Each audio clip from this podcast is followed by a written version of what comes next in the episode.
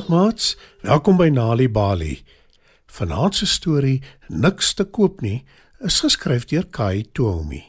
Skryf nader en spit julle oortjies.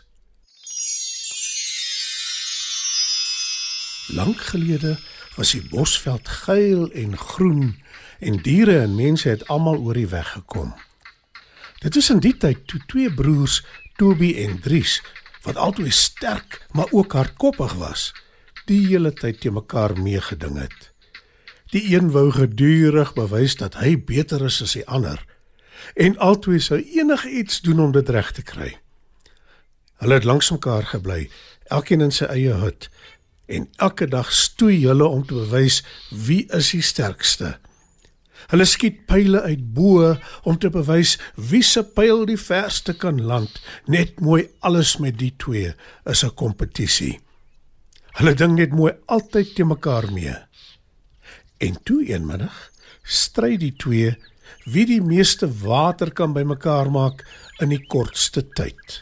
Dis een kompetisie wat ek beslis gaan wen. Sê Toby terwyl hy 'n diep gat voor sy hut grawe. So vaar, Toby. Sê Dries wat ook besig is om 'n gat voor sy hut te grawe, vermakerig. Ek gaan die hele rivier in my gat neerlê. Wel, dan herlei ek die hele meer in myne. Kap Toby terug. En albei broers vul die diep gate voor hulle hutte met water. Die gate is sommer gou-gou yslike groot damme waarop albei trots is. Dis nou te sê elkeen op sy eie dam. Maar soos dit maar gaan, is die natuur onvoorspelbaar en die geelgroen bosveld raak al valer en droër omdat dit glad nie meer reën nie. Daar heers nou droogte.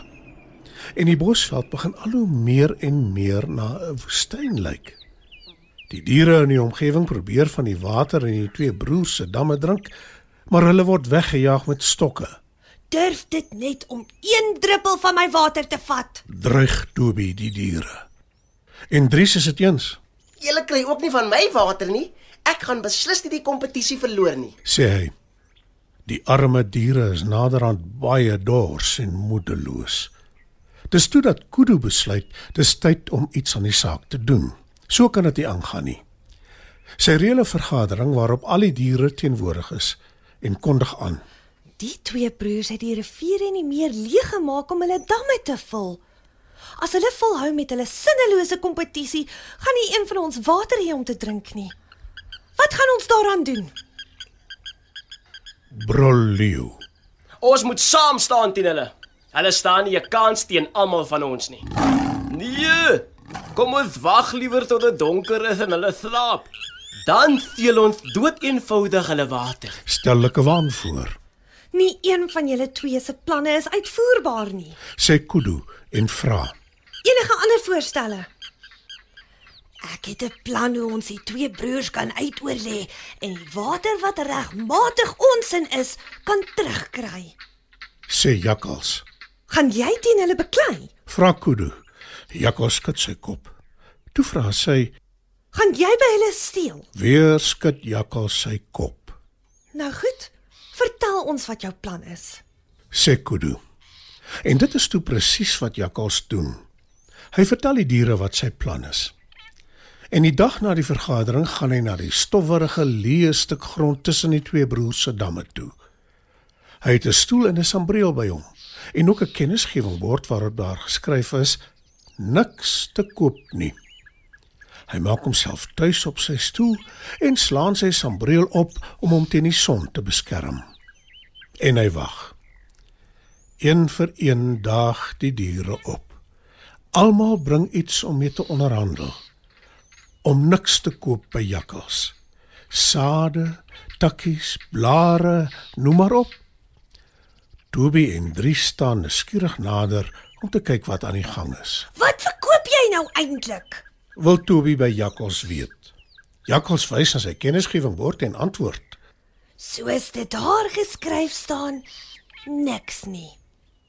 Hoe kon jy niks verkoop nie? Dis net dom. sê Dries. Dis glad nie dom nie en jy sal my moet verskoon. Ek het nog 'n kliënt. Antwoord Jakkals. Horingvoël kom aangevlieg en land op Jakkals se sambreel. Hy laat 'n takkie val en sê: Een niks asseblief. Hier. "Antwoord Jakkals en gooi niks in die lug op vir horingvoël om te vang." Dankie. Dis goeie kwaliteit. Antwoord horingvoël en vlieg weg. Toby kyk na Jakkals en sê: Mo moenie jou aan my broer steur nie. Ek sal ook een niks by jou koop. Wat wil jy daarvoor hê? Jou gordel. antwoord Jakkals. En Toby stem in sy skik in. Hy gee vir Jakkals sy gordel. Hoekom het jy dit gedoen? Vra Dries vir sy broer. Want nou het ek een niks wat een meer is as wat jy het. Antwoord Toby. In die geval sal ek twee by jou koop, jakkals. Sê Dries kwaad. Al te seker. Wat bied jy my aan daarvoor? Antwoord Jakkals. My gordel en my skoene. Sê Dries. Toby vererg hom en sê: As hy 2 koop, wil ek 10 hê. 10 nogal. Wel, dan vat ek 20. Vir 20 niks wil ek 'n emmer water hê. sê Jakkals. Is dit al? Dit betaal ek maklik. Wie het water nodig as hy meer nikse kan hê as sy broer? Roep Dries. Dan vat ek 40. Sê Toby. En ek 100. Roep Dries. En so hou dit aan en aan totdat die twee broers naderhand al die water in hulle damme weggegee het in ruil vir absoluut niks nie. Omdat hulle altyd teen mekaar meeding. En die slim jakkals dit gebruik het om vir sy dieremaats water te kry. Al die diere drink water totdat hulle nie meer dors is nie. Hulle lei ook die verdorde plante en gras nat en sommer gou-gou is die bosveld weer geel en groen. En die twee broers, hulle stry nog steeds al het hulle albei niks nie. Mats, dit was dan ons Nali Bali storie vir vanaand. Niks te koop nie, geskryf deur Kai Tuomi. Die storie is aangebied deur die Nali Bali Lees vir Genot veldtog en SABC Education. Lees vir my my gunsteling storie asseblief. Dis nou al vir jare jou gunsteling storie. Nou goed, gaan haal die boek, is in die boekrak. Dan lees ek dit vir jou. Kinders geniet dit om oor en oor na stories te luister. Kry jou gratis Nali Bali koerant bylae by 'n deelnemende poskantoor. En besoek www.nalibali.org skuinstreep postoffice vir meer besonderhede. Nali Bali.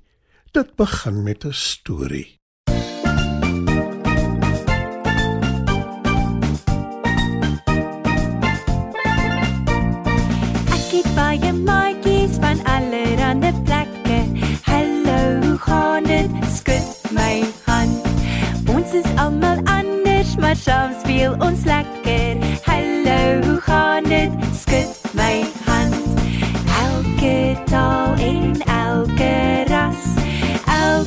Kleur van die reënboog pas. Ek hou van my maatjies en hulle hou van my.